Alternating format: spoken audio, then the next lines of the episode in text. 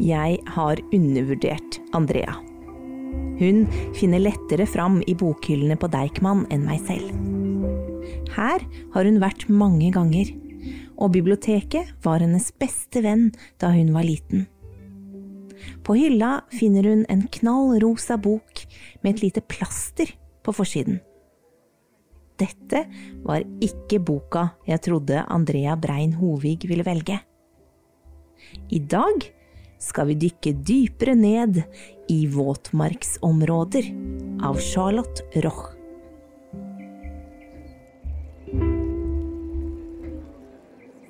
Du hører på Deichman-podkasten Utlånt til, der inviterte gjester forteller om en bok som har hatt en spesiell betydning i livet. Jeg heter Marte, og jeg jobber med program og formidling ved Deichman.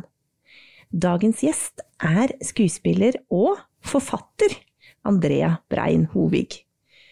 Og Andrea ble jo helt nylig hedret med en stjerne i Haugesunds Walk of Fame. Velkommen til biblioteket, Andrea. Tusen takk, så gøy at det er blitt en del av en introduksjon. Ja. en uh, Walk of Fame. Det var jo stas. Ja, det er kjempestas. Du har jo spilt masse teater. Ja. Du jobber ved Nationaltheatret. Mm. Men har i tillegg da gjort en god del både film og TV-serier. Ja. Og så jeg har et sånt bankende musikalhjerte Oh, inni meg.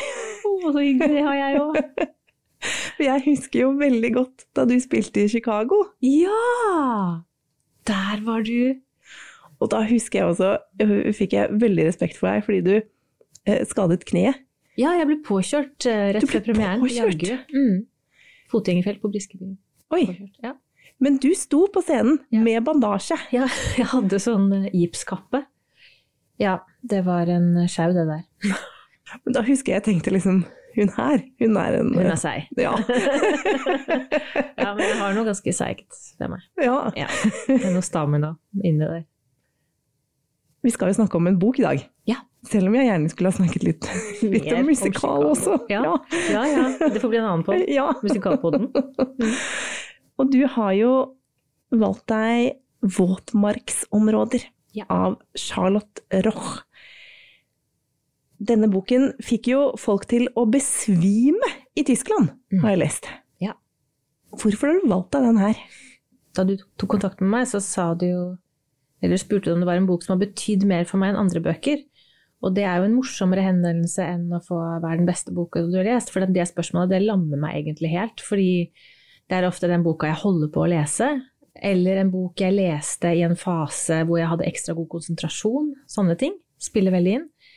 Eh, Men spørsmålet hvilken bok har betydd mer for deg enn andre bøker, da kom denne her ganske fort opp. Så da valgte jeg meg våtmarksområder fordi jeg føler at den har hatt en, del, en, en ganske praktisk betydning for meg. Den har eh, utviklet mitt forhold til hygiene. Men eh, jeg vil si at den har betydd veldig mye for meg. Den flytta mange grenser på én gang. For å eh, introdusere denne for de som ikke har lest den, Mm. så må vi bare fortelle litt hva den handler om. Ja. Klarer du å gi et slags eh, handlingsreferat? Her er jeg helt sikker på at du er mye skarpere enn meg. Jeg er ikke noen resuméperson, men vi møter altså Helen eller Helen. Det, de sier begge deler på tysk. Memel, 18 år, eh, vi møter henne i jeg-form på et sykehus hvor hun ligger på proktologisk avdeling fordi hun har fjernet en svær blomkål, som hun sier, av hemoroider. Eh, Så vi er på en måte i hennes hode de dagene hun er på sykehuset. Eh, Men så, møt, så gjennom hennes hode så møter vi også henne som liten, som ungdom, som en eh, forsker i egen kropp, egne kroppsvæsker osv. For det er jo på en måte ikke så mye som skjer egentlig. Nei, det er sant. Hun Eh, hun, Ja, hun ligger vel og gir oss på en måte tilbakeblikk eh, Ja. Gjennom smertene rundt anus, rett og slett. Så Ja. og fabulerer på hvordan ting kunne ha vært, hvordan hun skulle ønske at ting var. Sånn. Men hun er jo et menneske som lever i nuet, vil jeg si. Eh, Så hun er veldig i sin egen kropp. på en måte som jeg aldri har eh, vært i en annens kropp før. Altså, hun sier et sted i boka at hygiene skrives med veldig liten skrift for meg, står det. Og det vil jeg si er uh, et såkalt understatement. Fordi jeg er ganske sånn prippen av meg når det kommer til sånn hygieneting. Uh, jeg har noen venninner som er likedan, og vi møtes ofte i det at vi snakker om ting vi syns er ekkelt, f.eks. Og jeg kan tenke meg, dette vet jeg ikke, men jeg kan tenke meg at det er flere jenter som har det sånn, enn gutter. Og jeg var veldig mye sammen med min mormor som barn og da jeg vokste opp, og hun var ekstremt uh, pertentlig. Uh, så det har nok farget veldig av på meg. Jeg, eksempel, jeg tenkte på veien ned hit, jeg gikk forbi en hund, og bare det at liksom kjæledyr har liksom uh, rumpehullet sånn i fritt At man kan se rett på anus, liksom, syns jeg er ekkelt. Så det er Jeg hadde jo hund. Jeg syns det, var en av tingene jeg syns var skikkelig utfordrende. Er at jeg syns de går og blotter seg, liksom. Så det sier jo ganske mye om meg, og det tenkte jeg på på vei opp her. Og det er jo et eksempel på at jeg trenger våtmarksområder. Eksempel hvis jeg skal tisse på et offentlig toalett, så står jeg alltid i hockey, eller jeg gjorde det før våtmarksområder. Før det så sto jeg alltid i hockey, og det var jo et svare strev noen ganger hvis man hadde pynta seg og alt mulig. Og, og så tenkte, altså var det altså sånn Her står du i hockey, da søler du for andre. Men det gjorde jeg aldri, altså. Det ville jeg gjerne ha sagt. Men for eksempel eh, Helen, hun, hvis hun, hun oppsøker gjerne de aller skitneste toalettene. Og hvis det er mye liv og røre på doringen, så er det en scene hvor hun på en måte lar Altså, hun tar av seg trusa, og så lar hun liksom kjønnet gli rundt doringen, sånn at hun liksom Hun prøver å slurpe i seg alt som ligger på toalettet. Og det var jo et sånn Jeg måtte jo legge fra meg boka mange, mange ganger. Jeg ble så kvalm. Jeg brakk meg. Men jeg vendte hele tiden tilbake fordi jeg ville lese denne ferdig. Fordi jeg skjønte at her ligger det noe jeg trenger. Så det er et slags um, et medisinsk prosjekt, da, eller en kognitiv terapi, eller Så etter å ha lest den, så begynte jeg å sette meg ned på toalettet, for da tenkte jeg at da kan jo jeg Altså, doringen, den, den rører jo bare ved huden på lårene mine, og det må jeg kunne tåle. Så det har jo vært en, en frigjøring av dimensjoner, vil jeg si. Men du har aldri gått så langt da at du har liksom har eh, gnidd deg rundt nei. Å nei, nei, nei, nei, nei. Her er det babysteps, altså. Jeg leste den der i 2009, og det der med at jeg nå sitter på doringen, er et kjempeskritt. Nei, jeg har ikke Jeg har nok ikke gått sånn kjempelangt videre. Men hvis jeg syns noe er veldig ekkelt, noe som jeg burde tåle, så tenker jeg på våtmarksområder. Så får jeg et sånt lite skyv til å tenke nei, men det går vel bra. Eller jeg kan vel tisse her, eller Nei, om den har tresekundersregelen hvis noen faller på bakken. Og, og, bare det der med at Det har jo også vært intenst i pandemien, men når man eh, bestiller en kaffe, og så får man den av en som tar på en måte der hvor jeg skal ha mine lepper, det er også skikkelig problematisk. Så ja, det er mange sånne små hverdagssituasjoner hvor jeg prøver å tenke på denne boka. Og hvor den hjelper meg videre. Hvor jeg drikker kaffen likevel. Hvor jeg før kanskje bare ville smuglet den ut og hevet den. på en måte. Jeg tenkte at vi skulle høre litt. Ja, det er gøy. Og da tenker jeg at uh, Jeg føler at jeg bare overtar denne podkasten. Du må ja, Jeg bare bestemmer alt du skal gjøre. Nei, men uh, jeg tenkte sånn Å, hva skal jeg velge fra denne boka? For den er jo relativt på én streng. Der, uh, for du spurte meg sånn er det, et kapit, er det et avsnitt, er det en del av boka som griper deg ekstra? Men det, men det kan jeg på en måte ikke si at det er for alt. Det er en enstrengsroman, vil jeg si. Så derfor foreslår jeg at jeg bare slår opp på helt randome steder. Jeg bare, I stedet for å velge meg ut noe. Og da kan også lytteren få et helt Og jeg jukser ikke. Nå gjør jeg liksom sånn så alle hører at det er helt tilfeldig.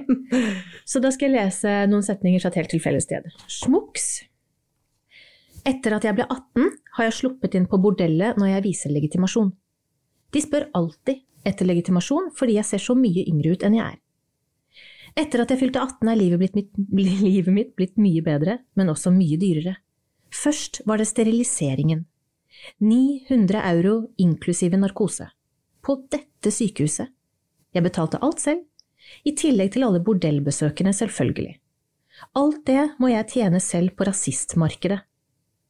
Gutter blir jo alltid bedt med på bordell av eldre gutter den dagen de fyller 18, så de skal få sitt første horeknull. Før i tiden var det helt sikkert det første knullet overhodet. I dag er det sikkert ikke sånn lenger. Jeg ventet tålmodig til den dagen jeg ble 18, men ingen ba meg med. Dermed måtte jeg gjøre alt selv. Og det er veldig typisk for henne, hun gjør alt selv. Finne numre til bordeller i byen vår, ringe rundt og høflig spørre om det jobber horer der som også gjør det med damer. Dem er det ikke så mange av. Et av bordellene hadde imidlertid et større antall horer som var åpne for kvinner. Det heter Saunaoasen. Horemammaen sa i telefonen at jeg nok burde komme tidlig på kvelden, da de mannlige kundene ofte ble irritert på de kvinnelige kundene. Eller sier man kund kundinner? Samme det. Jeg hadde forståelse for det, og går dit stadig oftere. Jeg skulle altså til en hore som jeg valgte ut i bordellets mottakelsesrom. Hun var helt lik meg, bare svart. Jeg mener, hun var bygget akkurat som meg. Tynn, små bryster, stor og bred rumpe, i det store og det hele nokså liten, og veldig langt, glatt hår. Og hun går jo også, det kom ikke helt fram her, da, men hun går jo også til et bordell, for hun er veldig interessert i oralsex eh, med menstruerende kvinner. Så det, det kommer etter hvert. Så det er ikke bare det at hun Men hun er så proaktiv. Altså hun er så Hun tar livet veldig i egne hender, vil jeg si. Hun har jo et veldig øh, åpent forhold til sex, da. Ja, det har hun. Men jeg tenker at det er egentlig ikke ja, akkurat nå så kommer vi jo inn på et, et, sted hvor hun er ute etter sex, på en måte. Men det er ikke så mange sånne steder i boka. Det er For jeg, eh, jeg så den filmen som er basert på boka, som heter Wetlands. Den syns jeg har lykkes ganske langt på vei. Jeg syns de animerte bitene hvor de, eh, hvor de på en måte følger en buse ned, hvor de liksom animerer bakteriene, hvordan det formerer seg, syns det er kjempemorsomt. Men de har jo laget en litt sexy film. For hun er attraktiv, så jeg føler at de har liksom ikke turt helt å lage den filmen som jeg opplever at boka egentlig inviterer til, som er en ganske usexy affære. Det er akkurat som at hun har sex for å forske videre i hva som kommer ut av kroppen, på hvilken måte. Eller hva som går inn i kroppen. Og, eh, jeg vil ikke si at det er en sexy bok i det hele tatt. Men, det, men svaret er jo ja, hun har et åpent forhold til sex også. Så hun betaler jo folk for å kunne gjøre ting som, man, som, man, som andre kanskje ville synes var ekkelt, da, som man ikke fikk betalt for. Jeg leste noen utenlandske kritikker, og der gikk det på at og, men vi har jo så mange andre bøker som er så mye bedre mm. som pornografisk. Ja, Dette sant? er ikke opphissende. Nei, det er det virkelig ikke. men, men, men, det er jo ikke meningen heller. Nei, absolutt ikke. Det er en ganske mørk roman. Og når du siterer sånne anmeldelser, som jeg også har lest, det var jo også selvfølgelig noen sånne i Norge, eh, som kritiserer at den ikke er erotisk, og den mangler, har mange mangler og sånn, litterært, så en av grunnene til at jeg også er så begeistret for den boken Én ting er at den flytter grenser for sånne kvinner som meg, som syns at mye er ekkelt. Men det er også en roman som er skrevet fra et mørkt sted Forfatteren er selv skilsmissebarn. Det er også jeg-personen i boka. Og i 2001, altså syv år før hennes Dette er jo hennes debutroman. Så skulle hun gifte seg i Belgia, og hennes mor og tre brødre var på vei til det bryllupet i en bil som krasjet, og hennes tre brødre omkom. Og det er akkurat som at når jeg leser denne boka, så tenker jeg at forfatteren hun har på en måte et raseri, hun har en, en, pågående sorg som skinner veldig godt igjennom. Jeg tenker at denne boken kunne ikke vært skrevet av en som var i en god periode i livet, tenker jeg. Eh, det er jo også noen veldig mørke områder i livet til hovedpersonen som dukker opp på en måte som sånne eh, som min eh, teater, russiske teaterlærer ville sagt, som flygel i buskene. Altså som, som plutseligheter uten at det nødvendigvis har verken noen frampek eller at det har noen konsekvenser. Så hun mener det som en dårlig ting da når hun sier at dette er som flygel i buskene. Men, men dette med at hun forteller at da hun var liten, så reddet hun livet til sin mor og bror fordi moren hadde tenkt å gasse dem begge i hjel. Og det er sånn Oi! Hei sann! Det var da veldig.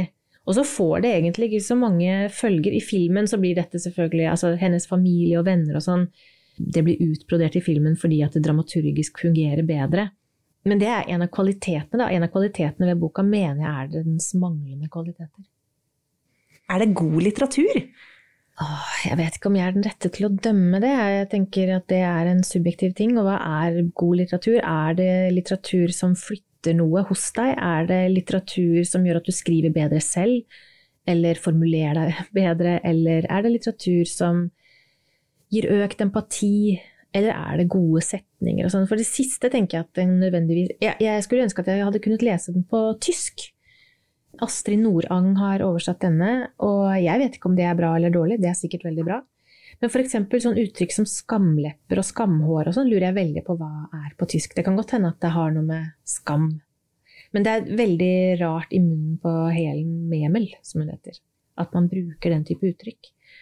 Men jeg vil ikke si at det er god litteratur hvis man tenker på Ville nok ikke vunnet så mange litterære priser hvis man bare tenker på sånn skriveskoleaktig tenker jeg at den ikke kommer opp, da. Du nevnte det med at moren har prøvd å ta livet av seg selv, og broren. Mm. Kunne du si noe mer om hvordan du tror det litt påvirker hovedpersonen, Ellen? Eh, jeg tenker at det er tydelig at det påvirker henne veldig. Hun, eh, mens hun ligger på proktologisk avdeling, så begynner jo sårene å heles og sånn, og hun river dem jo opp med vilje. Det er altså helt forferdelige scener. Ja, da måtte jeg ta pause. Ja, vet du hva, Det er et sted hvor jeg også må ta pause. Og jeg, jeg liksom Åh, jeg kjenner det her jeg sitter. Fordi at hun vil at mor og far skal komme på besøk samtidig, og det er en rød tråd i hele boka. Det er egentlig den eneste røde tråden av eh, Hvis man tenker på hva karakteren ønsker seg skal skje, det er at hennes foreldre er skilt og har eh, en dårlig relasjon. Hun, selv om hun er 18 år, ønsker at de skal finne sammen igjen. Det er det jo mange psykologer som mener at barn alltid drømmer om, til de får egen familie, eller kanskje forbi det også. Så hun vil, men de, men de kommer på besøk hver for seg, så selv, selv om hun klarer å rive opp uh.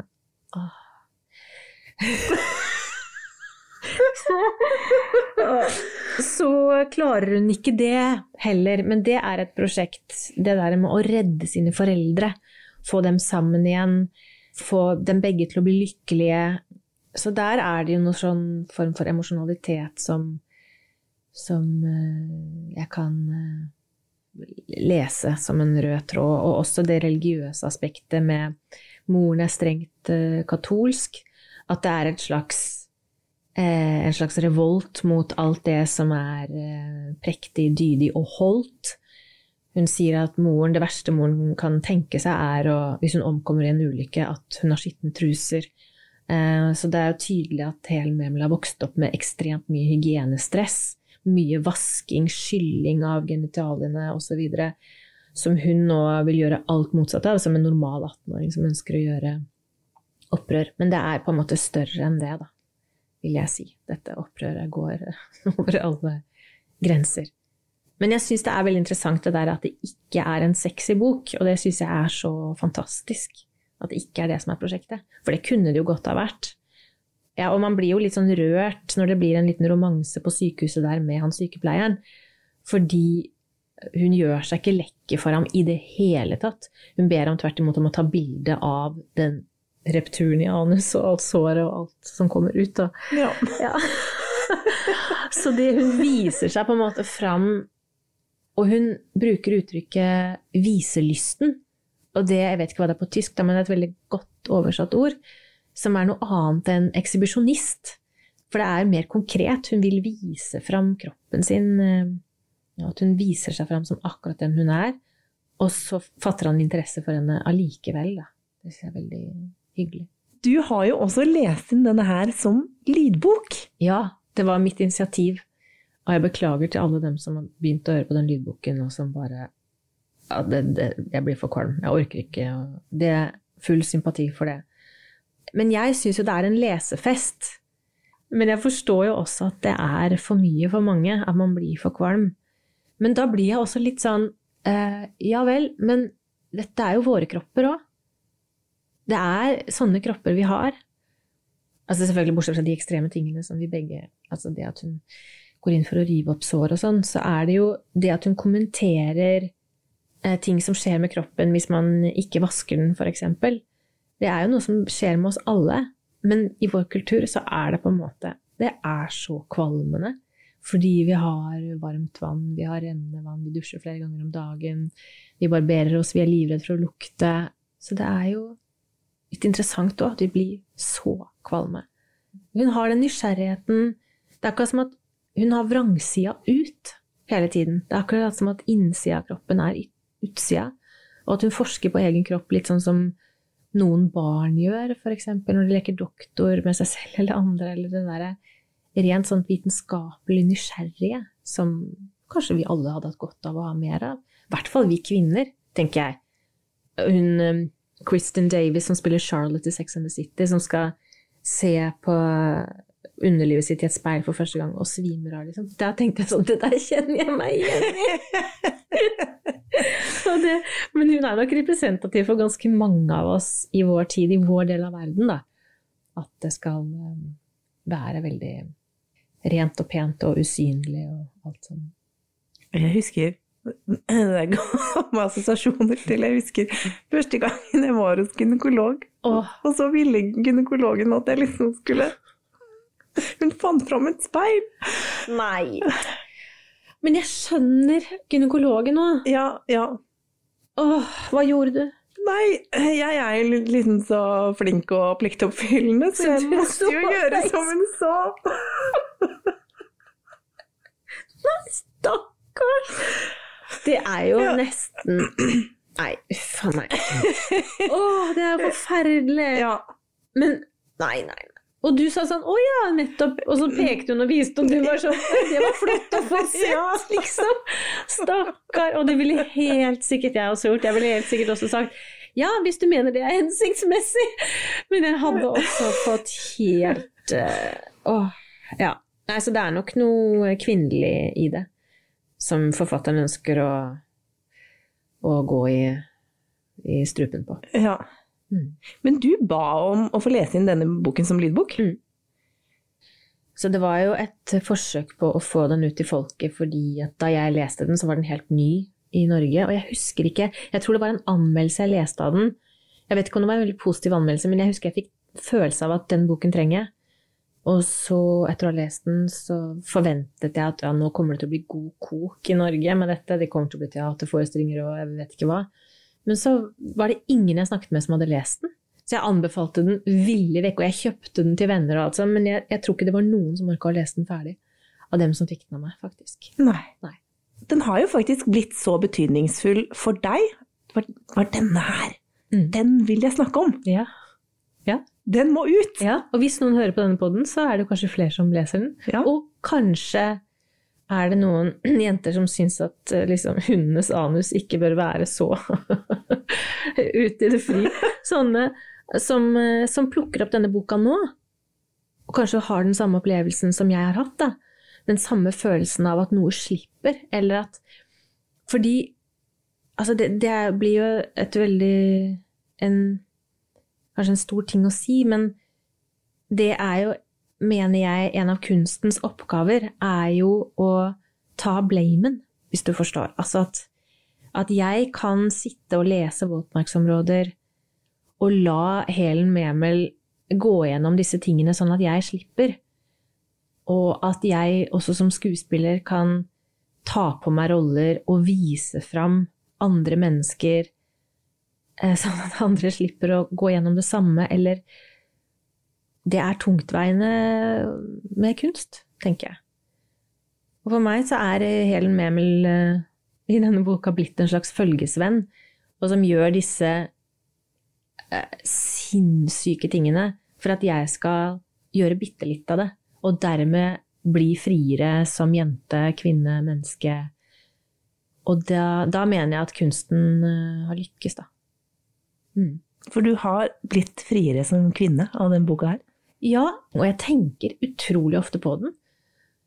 Selv om jeg ikke har lest den mellom eh, 2009 og nå, da jeg hørte min egen lydbok, så har jeg tenkt innmari mye på den, og jeg tenker på henne ofte. Og så kan jeg liksom Hvis jeg er på en buss og syns at en ved siden av meg tenker at å, da er det lenge siden vedkommende har vaska seg, så i stedet for å følge deres instinktet og reise meg og stå på en veldig vinglete buss i stedet, så blir jeg sittende fordi at Helen Memel har gått foran og blitt sittende, og kanskje til og med liksom gått av bussen sammen med dette mennesket og liksom stukket hodet inn i armhulen på vedkommende, på en måte.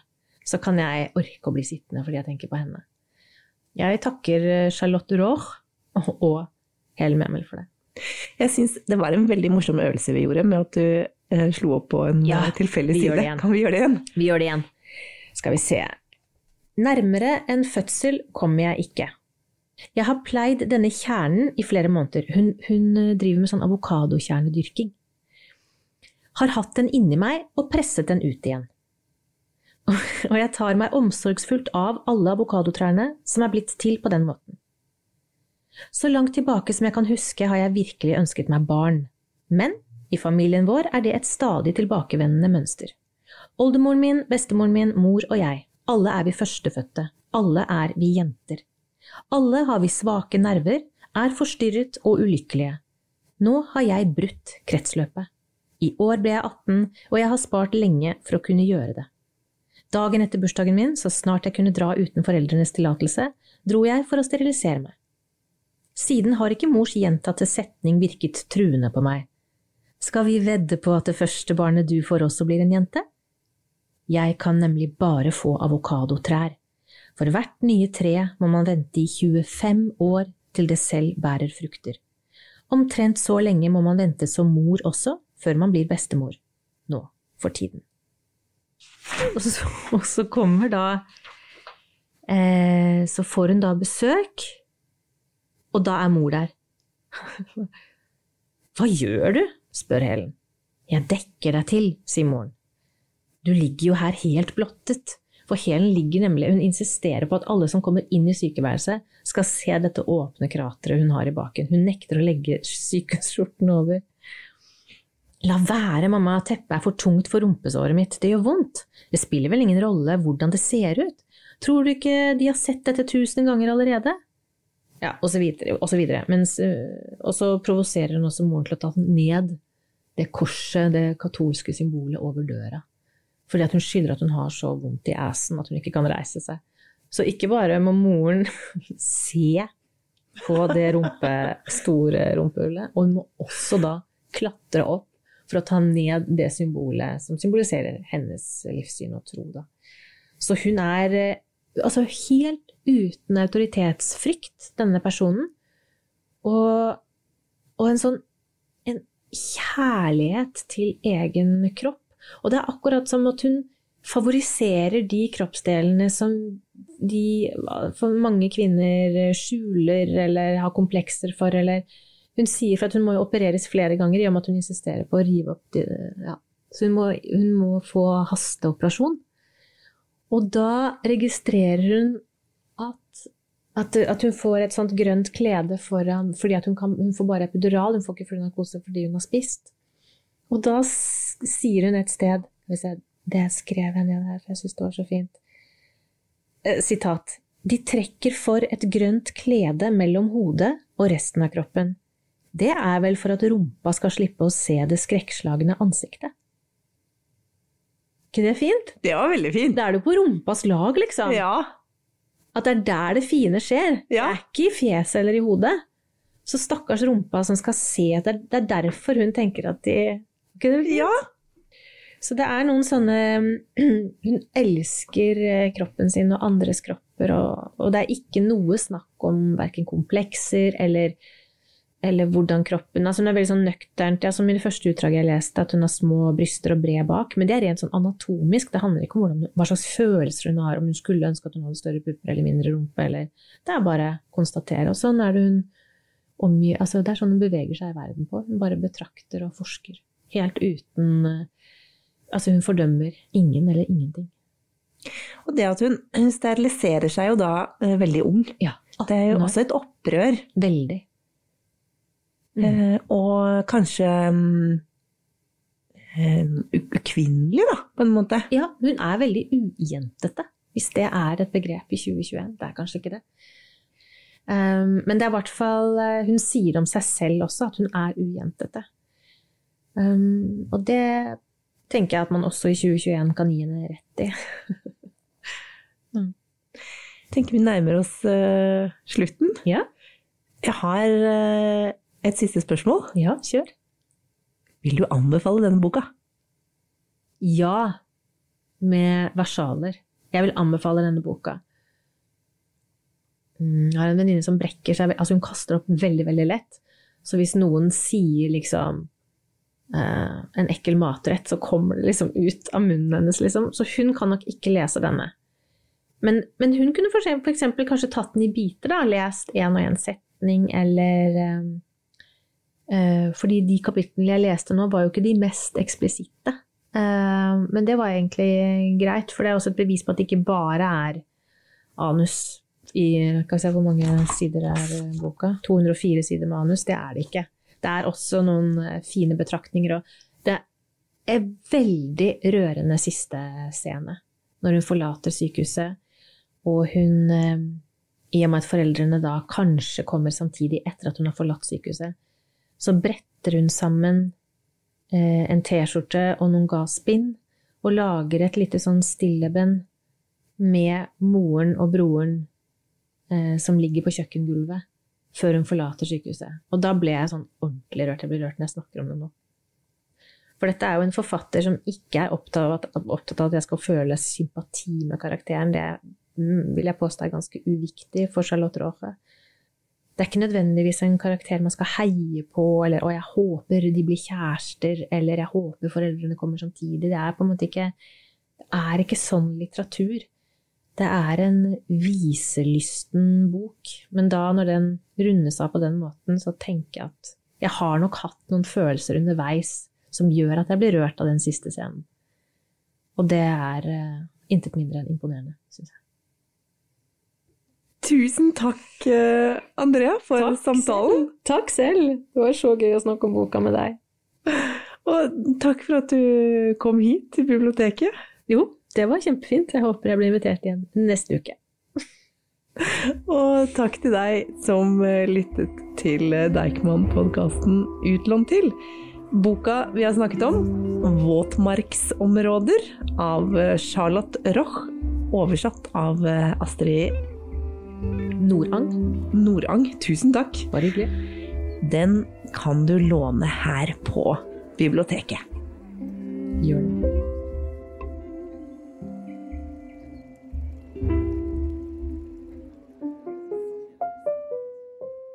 Dette er en podkast fra Deichman, hele Oslos folkebibliotek.